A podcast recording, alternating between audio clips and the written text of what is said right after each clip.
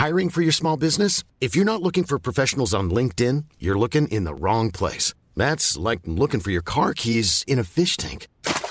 LinkedIn helps you hire professionals you can't find anywhere else, even those who aren't actively searching for a new job but might be open to the perfect role. In a given month, over 70% of LinkedIn users don't even visit other leading job sites. So start looking in the right place. With LinkedIn, you can hire professionals like a professional. Post your free job on linkedin.com slash people today.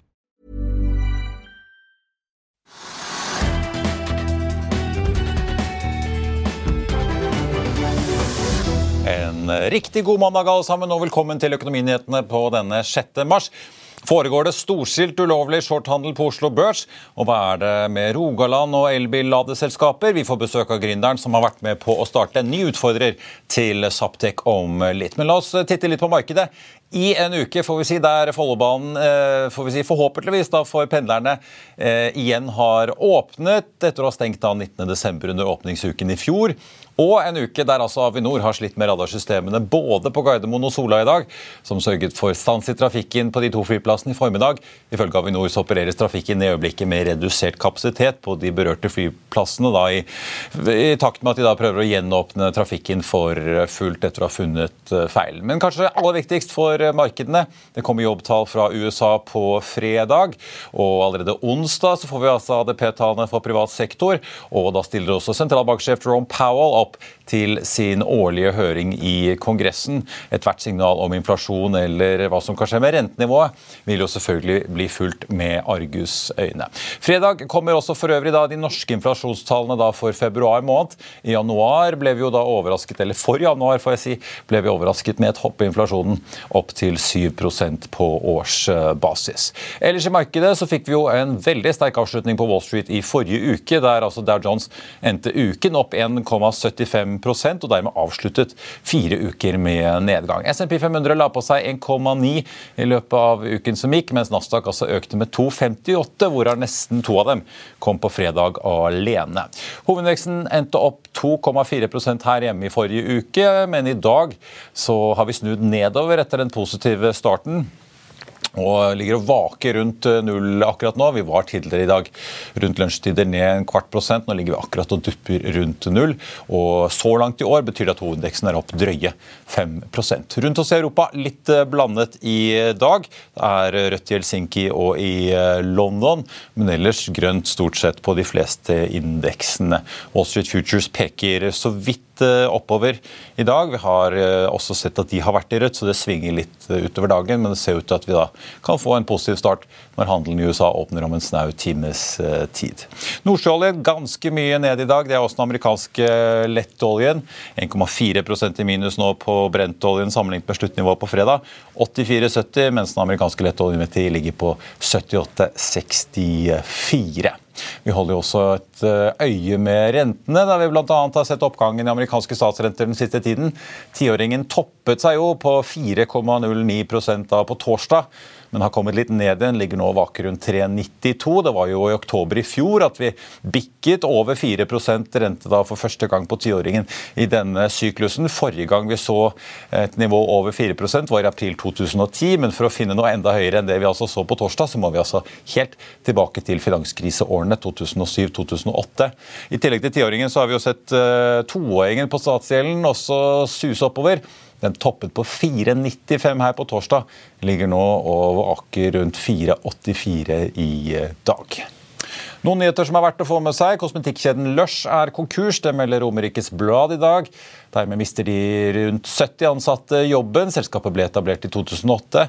Og ifølge styreleder Ola Løvaas er konkursen et resultat av to år med pandemi og et sviktende salg etter det, og et særlig krevende 2022. Og så er det som jeg sa i introduksjonen da, Spørsmålet er om det foregår udekket og dermed også ulovlig shorthandel på Oslo Børs. Nordic Mining får vi se jo nå, eh, kanskje da en reprise av det som skjedde under flyremisjonen i november. Det er i hvert fall mange som spør seg i dag. Vi har invitert Oslo Børs hit til sendingene våre for å komme, oss, komme, for å svare for hva som egentlig nå skjer, og hva de eventuelt foretar seg. og Når vi hører tilbake fra dem, så skal vi selvfølgelig holde dere orientert om det. Det har i hvert fall vært en enorm handel i aksjen etter at det torsdag kveld ble annonsert en emisjon der Nordic Mining også henter inn en snau milliard kroner for å få, og da fullføre finansieringen av Engebø gruveprosjektet sitt. En emisjon selskapets toppsjef Ivar Fossum for øvrig snakket åpent om i Økonominyhetene her i desember, og som vi da snakket om på fredag. Men ser vi da på hva som skjedde fredag, så ble det altså omsatt 104 millioner aksjer i Nordic Mining.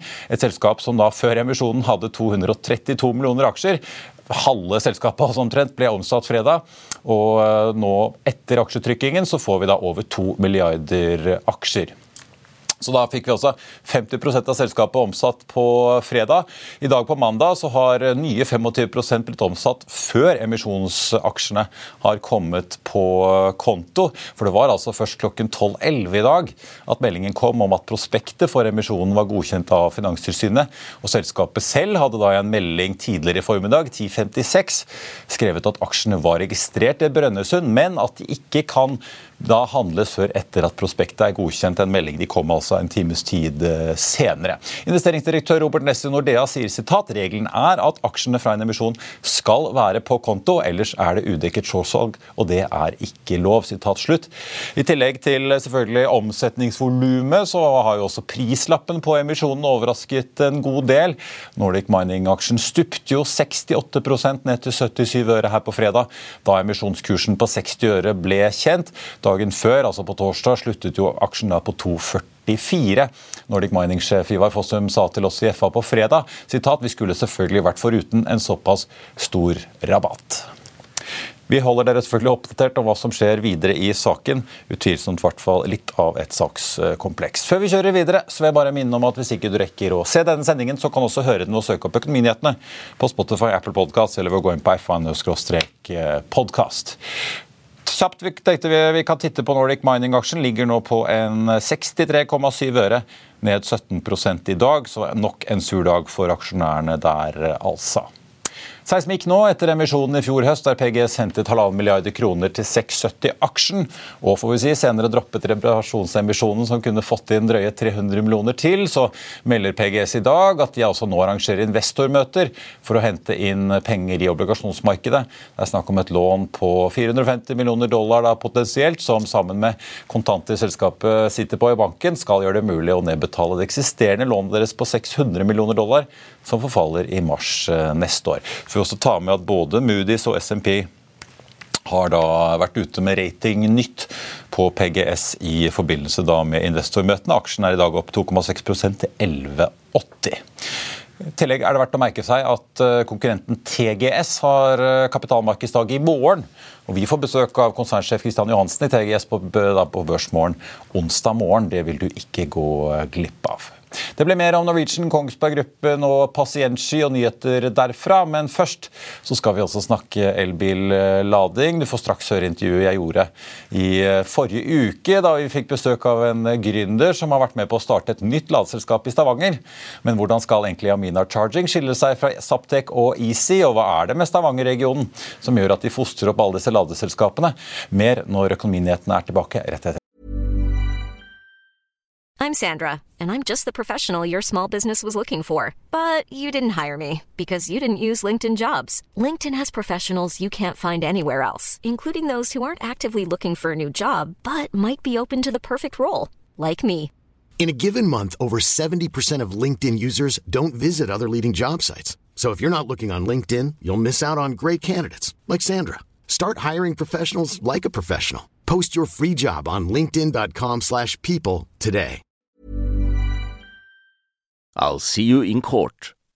Vi sier det ofte litt på spøk, men for deg som driver business, er det aldri moro å innse at du ikke har laget en 100% gyldig kontrakt. Du bør ikke risikere hele firmaet ditt fordi du synes dette med kontrakter er litt stress. En avtale er ikke en avtale. Du kan miste kunder, miste venner, ja, til og med miste inntekter om du ikke lager en skikkelig kontrakt, på alt mulig, egentlig. Men vi vet det er et styr kopimaskiner, tregprinter og haugevis av papir. Dessuten stoler vi jo på folk her i landet. Det er ofte litt kleint å skulle be om en signatur for alt mulig, ja, for mye av styret handler også om jakten på underskriften. Det finnes en enkel måte å løse dette på, Dukkobit, en trygg, effektiv og get this, gratis måte å sikre seg en god natts søvn pluss en juridisk bindende avtale. Dukkobit-appen har de strengeste sikkerhetskrav i bunn, samt en EU-godkjent og sertifisert teknologi. Framover vil det bli behagelig å spørre du, skal vi skrive under på det, eller? Kom i gang på dukkobit.no. Da skal jeg ta inn eh, dagens eh, gjest, som er får vi si, både gründer og jobber i en bransje som er i kraftig vekst her i landet, og som kanskje blir en av de store suksessene vi sitter igjen med etter mange mange år med tung satsing på elbil. Velkommen til oss, eh, Eirik Jørgensen i Amina Charging. Jo, takk. Jeg tenkte først jeg må begynne, for Du er gründer og daglig leder i Amina Charging. Vi har jo også da Easy og Saptek. Hva er det med, og du som mange vil høre, du er også fra Rogaland. Eh, hva er det med Rogaland og ladeselskaper?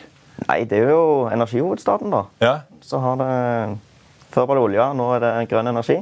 Men er det, er det litt tilfeldig, eller er det et eller annet som har gjort at liksom uh... Nei, Rent historisk er det jo subsidieordningene fra staten ja. uh, som gjorde at uh, alle her på Vestlandet, spesielt i Stavanger, kjørte rundt i Tesla allerede for ti år siden. og Da kom det et behov for elbilladere. så ble det startet opp av Saptek i sin tid, ca. ti år siden nå. Eh, og så har vel egentlig begge de to andre aktørene spunnet ut fra det eh, på enkelte tidspunkt. Ja. Isi har spunnet ut av det. Vi kan vel indirekte si at uh, dere har gjort det òg, for du har også jobbet i Saptek før. Så var du ute av, sluttet i Saptek øh, gjorde noe annet. Og så etablerte dere Amina Charging i 2021. Ja, det stemmer. Det, hvordan kom dere på ideen med at liksom, nei, nå skal vi starte, med, starte vårt eget ladeselskap? Nei, Min bakgrunn er jo da innen datavitenskap. Eh, så jeg har jobba mot skyløsningene og partnerordningene eh, i Saptek i min tid.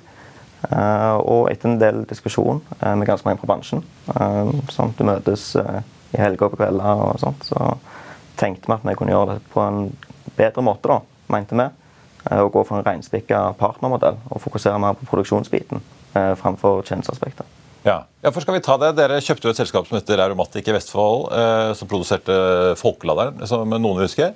Eh, og han er fortsatt med som medaksjonær. Stig Myrstedt, som mange kjenner eh, her i Finansavisen, i hvert fall, også en av investorene dine.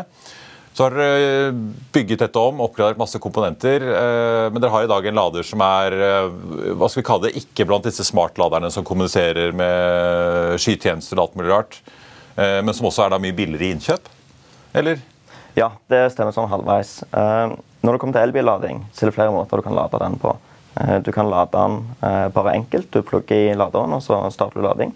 Eller du kan gjøre det via smartkontroll gjennom bil. Altså at du stiller inn tidsinnstilt lading der. Fra bil, altså inne på skjermen på bilen? på en måte? Ja, stemmer. Ja. Eller appen til bilen.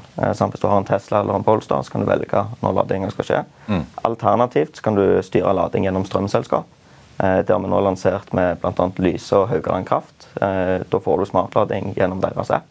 Eh, og så Siste alternativet som de fleste andre har slått seg opp på, det er å utvikle egne apper for den smartladingsfunksjonaliteten. Ja. Og det gjør ikke vi.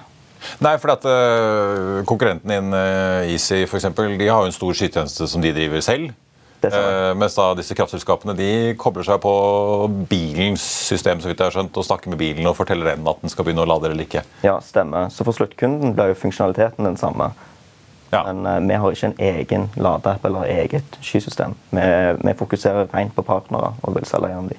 Men så vidt jeg skjønner så har dere jo en, uh, også en smartlader under utvikling, men er, det, er tanken her også å konkurrere på pris? Nei, det er litt mer sikta inn mot infrastruktur. Ja. Eh, så det går jo på når de store energiselskapene eh, bygger ut anlegg eller lignende, så vil de gjerne ha direkte oppkobling mot ladesystemene. Eh, så det blir det neste produkt vi lanserer. Ja. Men den laderen dere har i dag, det jo, ligger jo på et lavere prispunkt enn Easy og Saptek ligger og en del andre.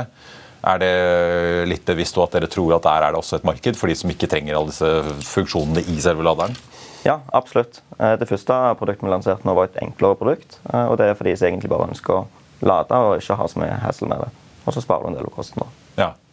Eh, fortell litt om altså, Hvordan får dere dette til rent uh, praktisk? da? Hvem er det som produserer dette her? Nei, Produksjonen vår er på Gjøvik, ja. eh, hos et selskap som heter Topro Elektronikk. Eh, så hos oss i Stavanger så har vi kun utvikling og salg. da.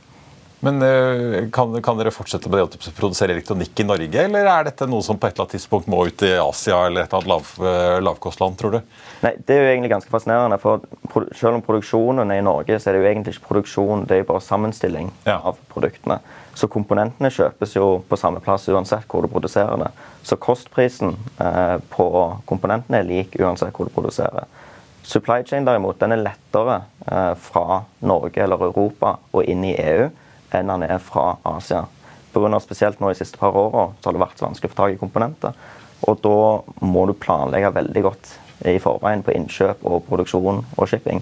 Og det å sende varer ut fra Kina og planlegge for produksjonen der som et nystartet selskap, det er svært vanskelig. Litt tricky. Ja, men fortell, eh, Hva ser dere med tanke på apropos komponenttilgjengelighet og priser? da? Vi har jo sett Saptex marginer fikk ganske mye press i fjor. Vi hører Nordic Semi snakke om også det samme at liksom det å få tilgang på halvledere er en utfordring. Vi hører også selskapet internasjonalt snakke om dette her. Eh, hvordan ser det ut for, eh, eller Hva ser det som dere skjer i bransjen? Har det vært mye kostnadsinflasjon? Ja, absolutt. Men supply chain begynner å bli bedre. Men det er egentlig ganske morsomt, for når vi starta selskapet, så funda vi faktisk opp det i starten og kjøpte inn 100 000 mikrochipper ett år før, før, vi lanserte, liksom. ja. før vi lanserte produktet. Fordi det var så fælt å få tak i.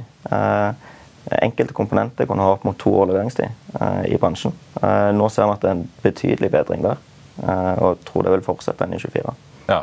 Men er det sånn at driver dere og alle de andre og skrur opp prisene på latterne nå for å ta igjen litt på marginer fremover i tid? Nei, vi har ikke gjort noen prisjusteringer på laderen siden vi lanserte. Nei. Eh, fortell litt om liksom, hva, hva, er planene videre. da? Dere, for, hvordan selger dere disse laderne nå i dag? Er det direkte holdt jeg på å si, på elkjøp.no, eller selger dere via elektrikere og kraftselskap? og Vi, eh, vi selger kun gjennom partnere. Eh, så Vi selger ikke direkte til elektrikere, men vi selger til elgrossister, som igjen selger ut til elektrikere. Mm. Alternativt retail, da er Elkjøp et godt eksempel. Og så selger vi òg gjennom partnere, så Lyse og Haugaland Kraft. da Eh, til nå. Og så er det et par andre som kommer snart. Som jeg var inne på i introduksjonen, Dette har jo begynt å bli en skikkelig bransje i Norge med alle disse ladeselskapene som eh, springer ut av Rogaland. Eh, jeg antar dere også vil ut av landet, som vi har sett konkurrenten Easy og Saptek gjøre? Ja, absolutt. Og vi har kommet ganske langt allerede. Vi lanserte jo i Norge i oktober. Per nå så er vi i Norge, Danmark, Sverige, Finland, Island og Irland. Eh, og jeg begynte å ansette en del utenfor Norges grenser. Så nå har ansatte på seks lokasjoner i fire land nå. Hvis du både snakker litt for deg selv og for den norske ladebransjen, hvordan tror du det blir å møte som konkurrentene? Vi vet jo, eller vi ser også, det er jo selvfølgelig ABB og mange av de store eksisterende gigantene der ute tilbyr jo også lading, i hvert fall på hurtiglading, men det er et litt annet uh, segment. Uh, hvordan tror du liksom, norske ladebransjen kommer til å stå seg i konkurransen etter hvert som elbiler blir mer og mer vanlige? og Vi ser jo salg i mange europeiske land begynner å vokse ganske mye. Veldig mye drevet av Tesla Model Y, men likevel Ford Mustang det er mange av disse modellene som begynner å få en god del traction i nybilmarkedet. Ny ja. Nei, Når det kommer til de store aktørene, så ser vi jo at innovasjon skjer hovedsakelig Eh, blant et open commerce. Eh, ja. på en måte. Så produktene de har på markedet i dag, er svært mye dyrere. Ikke bare enn våre produkter, men også til de fleste andre konkurrentene vi sammenligner oss med. da. Eh, ellers, Markedet kommer til å utvikle seg, og det kommer til å være enorm vekst de neste 10-15 åra. Uh, men det er jo naturlig at når så mange aktører etablerer seg i et marked, så blir det rift om kundene, og det blir nok konsolideringer og lignende etter hvert. da, ja. vil jeg tro. Hvordan, eh, men Hvilke markeder er det? For Du nevnte jo noen av de landene dere nå jobber med å etablere dere i. Ja. Mye Nord-Europa. Er det pga. utviklingen i markedet, eller er det fordi at det er nærmere Norge? på en måte? Nei, Det er litt kombinasjon. Eh, Norge er jo den som har kommet lengst per capita eh, når det kommer til elbiler. Eh, Sverige ligger ganske langt framme. Men så er det jo på kontaktnettverket vi som jobber her, har fra før av, og hvor det er lettest eh, å komme inn og lavest barriere, eh, rett og slett men vi skal sørover i Europa etter hvert. Ja, Men er det sånn en spanjol kan gå inn på nettet etter hvert og bestille, selv om dere ikke nødvendigvis har lansert fordi det er i EU? Nei, vi, vi selger ikke enkeltladere uansett. Nei. Eh, en snittordre på oss er kanskje på 6000 enheter. Eh, hvordan eh, liksom, skal dere finansiere veksten deres fremover? For nå har dere jo private investorer. Hvor mye penger har du fått inn så langt? da? Nei, eh, Fram til nå så har vi henta rett i overkant av 100 millioner. Ja. Eh, da Hovedsakelig fra Nysnø, Lyse, Evny og Momentum. som kom inn i runde nå i fjor. Du har jo noen tungvektere med deg i ryggen her? Ja, absolutt. Ja. Og så kommer vi nok til å ha en til finansieringsrunde i nærmeste framtid. Egentlig for å sikre komponenter og produksjon ut 24. Veldig mange som følger denne bransjen har jo sperret øynene litt opp over alt som skjer i Sverige nå med Elsikkerhetsverket, eh, som har begynt å se nærmere på IC. Hvor det kan, vi får se da, hva det ender med, men eh, det kan plutselig ende i salgsforbud. Eh, er det, er det noe annet som snakkes om internt i bransjen nå? Ja, selvfølgelig snakkes det jo om, ja. men jeg tror ikke jeg skal kommentere noe på det før konklusjonen fra Elsikkerhetsverket er framme. Men er det sånn at dere får mange spørsmål fra kunder? altså Påvirker det dere sånn sett at dere også blir rammet av dette her, at det blir stilt spørsmål ved Kommer man til å kunne installere dette som før og alt det der? Ja, absolutt. Eh, og vi har jo vært nede på lab og testa eh, produktet i henhold til standarden eh, nede i Tyskland. Mm. Så vi har dokumentasjon på at alt er slik som det skal være. Så det sendes vi ut til grossistene hvis de forespør. Hva, hvor tror du du er Nå ser jeg jo, Hvis du i hvert fall ganger opp tallene til Saptek, da, de vokser jo de også, men de endte jo fjerde kvartal med et, hår, et hårsbredd under 250 millioner i omsetning. Da kan du kanskje tyde på at de når milliarden i år. Eh, hva tror du selv deg? Kan du si noe om hvordan salget gikk i 22, og hva dere tror om 23? Ja, I 22 lanserte vi jo, så vi fikk så vidt eh, sendt ut produktet. Mm. Eh, så det er marginalt. Men vi har kontrakter for 23 nå på 90 millioner i minstevolum ute grossister. Og så forventer vi at det kommer en del utenom det. Som er guide vel mellom ja, 150 millioner i 23. da. I første holdt jeg på å si fulle driftsår? Første driftsår, ja. ja. Erik Jørgensen i eh, Amina Charging, tusen takk for at du kom til oss. Og lykke til får vi si med salget. Jo, tusen takk. Vi er tilbake rett etter dette får jeg si. Har du ønsker om aksjer vi skal analysere eller gjester vi skal invitere, send en e-post til tvtips at finansavisen.no. Noen uh, nyheter som uh, jeg tenkte å nevne hvis ikke du har fått de med deg allerede. Det har vært en hyggelig dag for Norwegian-aksjen i dag. Etter altså ferske trafikktall fra februar måned som viser ordentlig trøkk i vinterferien, kan det i hvert fall se ut som. Norwegian fraktet altså 1,2 millioner passasjerer i februar, eh, noe som er selvfølgelig kraftig opp fra i fjor, da pandemien fortsatt preget markedet, men også en 100 000 over det DB Markets hadde ventet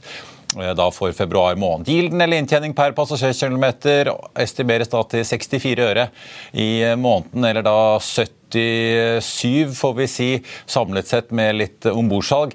DNB lå inne med en forventning på 0,60. Konsernsjef Geir Karlsen påpeker at Norwegian er eh, veldig fornøyd med trafikktallene for denne måneden, og at de er spesielt fornøyd med fyllingsgraden, som i snitt lå på da 84% Vi får ta med at eh, Norwegian-aksjen er opp en rundt 3,1% så langt i eh, dag. og Det betyr at Norwegian-aksjonærene har fått seg et løft på godt Eh, ja, nesten 60% da siden nyttår, så det har vært en ganske så hyggelig utvikling.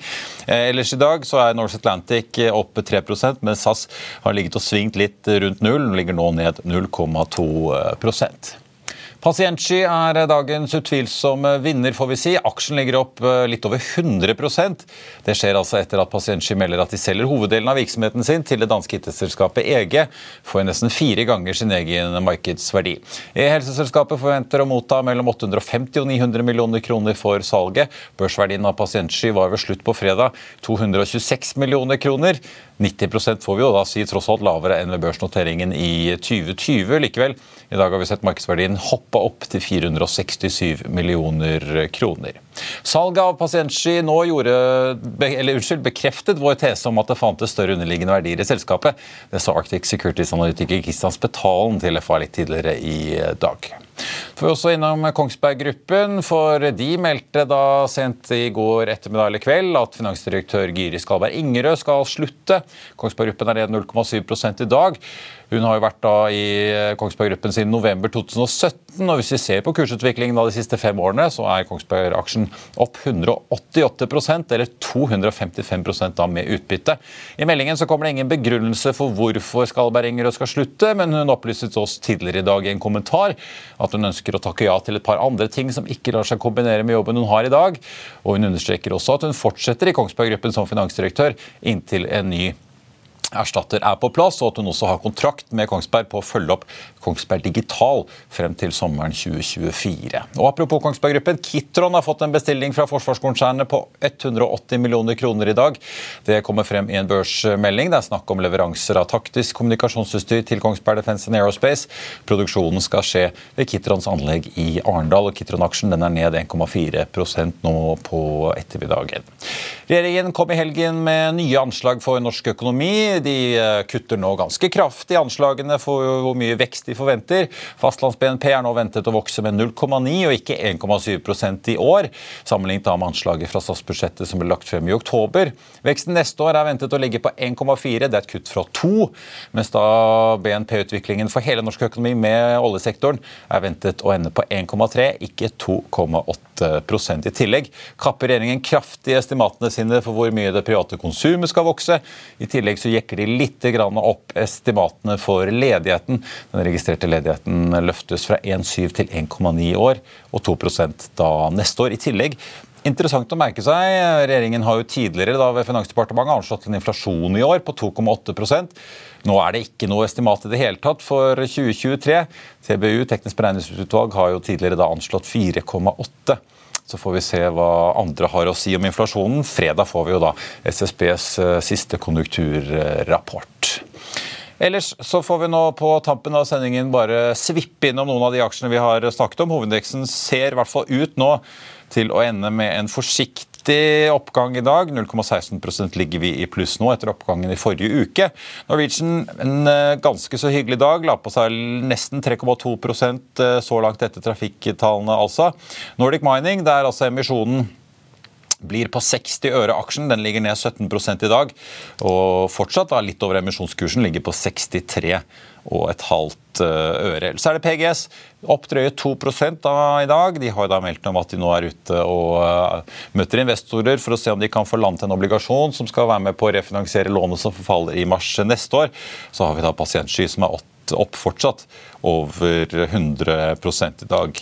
For øvrig, PGS og Nordic Mining de, den nest og tredje mest omsatte aksjen i dag, foran Aker BP og DNB, men bak Equinor. Så skal jeg som sagt komme tilbake til dere når vi hører fra Oslo Børs om de eventuelt foretar seg noe i handelen rundt Nordic Mining. Vi i FA har også kontaktet Finanstilsynet for å høre om de foretar seg noe. I Finansavisen i morgen så kan du lese Trygve Egnars leder om en mystisk teori for boligkjøp.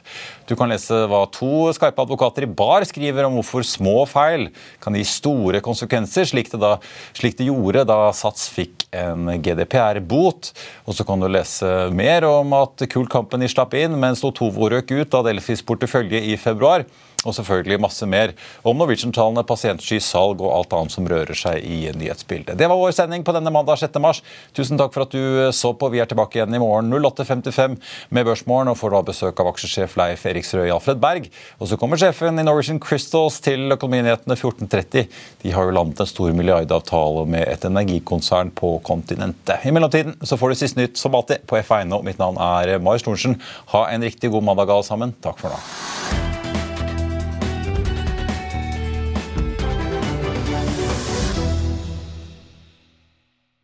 Økonominyhetene er en podkast fra Finansavisen. Programledere er Marius Lorentzen, Stein Ove Haugen og Benedikte Storm Bamvik.